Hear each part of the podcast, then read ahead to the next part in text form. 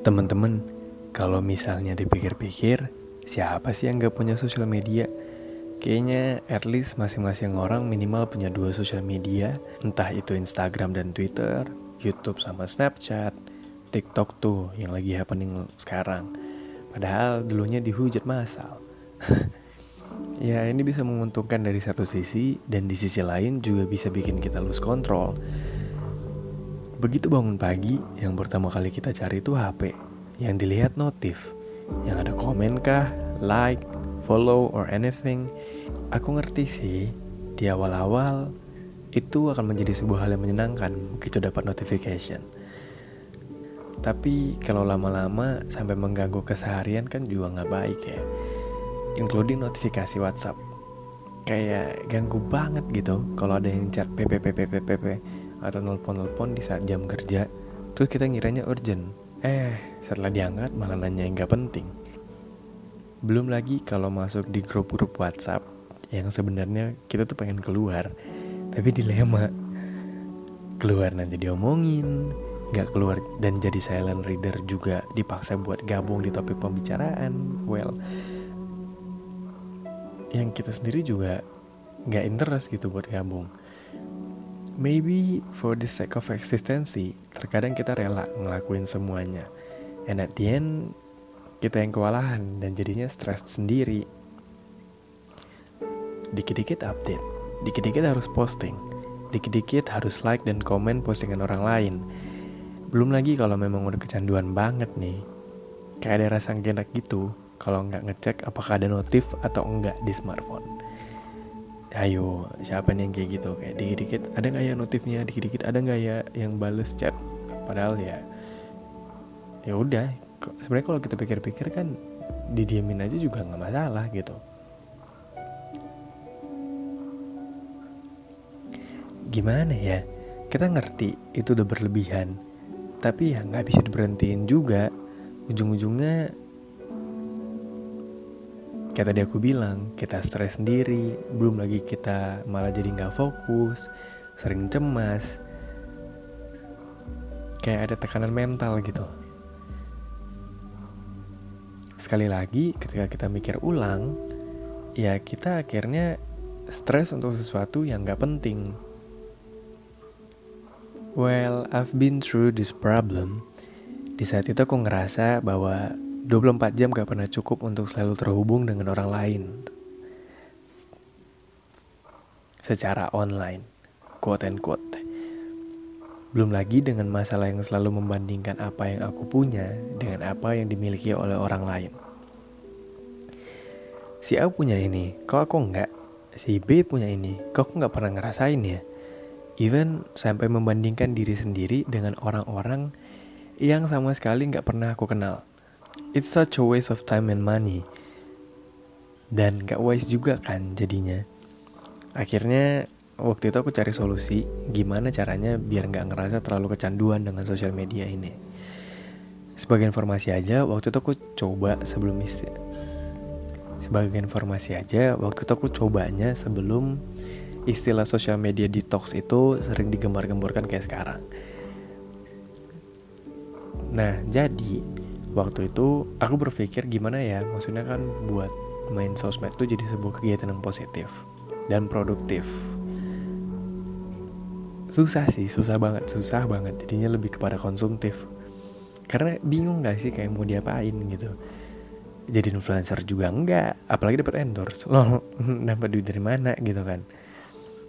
Sampailah kepada ide untuk jadi strategic planner social media marketing untuk brand ya sempat ditipu juga sih awalnya. Karena masih belum berpengalaman juga. Itu baru banget sih. Anyway ini udah ada podcastnya sendiri tentang pengalaman pertama ketemu klien. Jadi kalian bisa denger di podcast yang itu. Skip pengalaman buruk ini. Akhirnya setelah melalang buana cari sana cari sini akhirnya ketemulah dengan orang yang tepat dan pegang brand lokal dan internasional juga Nah, semenjak itu aku mulai ngubah nih uh, polanya. Jadi dari yang tadinya aku lebih konsumtif untuk uh, kayak cuma sekedar-sekedar lihat, akhirnya waktuku kuhabiskan untuk mengurus brand orang lain. Jadi itu kan bisa dari reference bisa kita lihat-lihat juga. Ya maksudnya yang lebih dilihat itu lebih lebih untuk bisnis gitu jadi udah mulai berkurang tuh yang namanya ngestok ngestok orang. Oh ya kebiasaan ngestok nih nih yang toxic banget. Kayak nggak penting tapi nagih. You get what iya ngerti gak sih? Cuma ternyata stres karena sosial media itu sendiri nggak bisa semudah itu hilang. Hanya karena ngurus brand-brand media sosial orang lain rasa insecure dan kecanduan itu masih tetap ada sampai bingung sendiri how to cope with that thing. Mulai dari mati notifikasi sampai juga jadi silent reader atau yang cuma sekedar lihat-lihat postingan story orang doang. Ya karena kalau ngedelete aplikasinya nggak bakal bisa juga kan. Ada akun sosial media bisnis, maksudnya uh, akun sosial media brand yang lagi aku pegang dan harus diurus ya kalau di uninstall gimana mau kerjanya gitu sampai akhirnya sampailah kepada sebuah keputusan untuk nge out akun sosial media sendiri mulai dari Instagram, YouTube, Twitter, Snapchat, dan waktu itu ada Path juga. Selain itu juga untuk di Line dan di WhatsApp, aku mulai keluar dari grup-grup yang terlalu berisik dan gak penting. Jadi cuma benar-benar fokus dengan keluarga, sahabat, dan kerjaan. Jadi nggak ada lagi tuh update-update apa pun dari sosial mediaku. Even memberikan sebuah like dan postingan ke orang lain juga nggak pernah gitu. Terus rasanya gimana? Jawabannya gak enak sama sekali. Dari yang biasanya bisa tahu teman-teman kita lagi apa, di mana dan bagaimana, semuanya kayak dirampas dan ngerasa ada sesuatu yang hilang. Memang bisa ngebantu banget untuk fokus di saat lagi kerja. Gak ada notif yang mengganggu, arah pembicaraan di grup yang aku masuk juga kayaknya lebih mengerti dan aku bisa lebih involved di sana. Tapi ya di saat semua kerjaan sudah selesai, pasti balik lagi kan dengan diri sendiri dan bingung mau ngapain kayak nggak bener-bener bisa lepas gitu dari digital environment.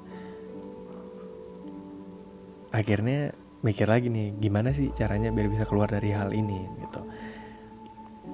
Cobalah belajar belajar belajar improving and developing myself. Mulai dari nonton video-video YouTube atau dengerin dengerin podcast yang ngajarin gimana caranya berdamai dengan diri sendiri terus juga cara ngadepin quarter life crisis cara menabung, dan bahkan sampai cara berinvestasi, minimalism including. Banyak banget hal-hal yang udah dipelajari belakangan ini dan benar-benar bisa develop diri sendiri untuk menjadi pribadi yang lebih baik lagi. And that's why, because I already learned about that, I wanna share it to you guys. Seiring dengan berubahnya pola pikir yang udah kita buat, lingkungan orang-orang sekitar juga ikut berubah. Karena kan kita udah lebih bisa memilih nih orang mana yang baik untuk kita teman-teman mana yang baik untuk kita.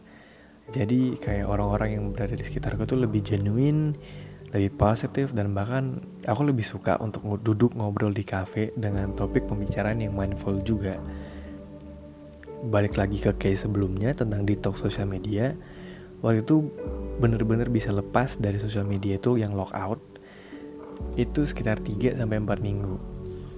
Nah, waktu login lagi, pandanganku terhadap segala konten di sosial media itu jadi lebih terarah dan lebih menganggap semuanya sebagai sebuah entertainment aja.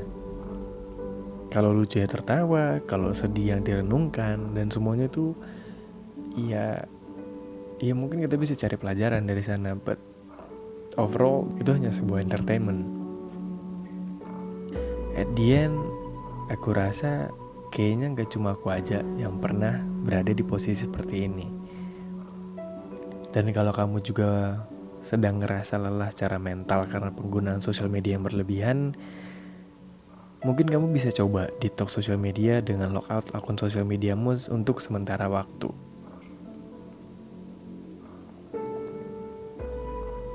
Pastikan secukupnya ya waktunya.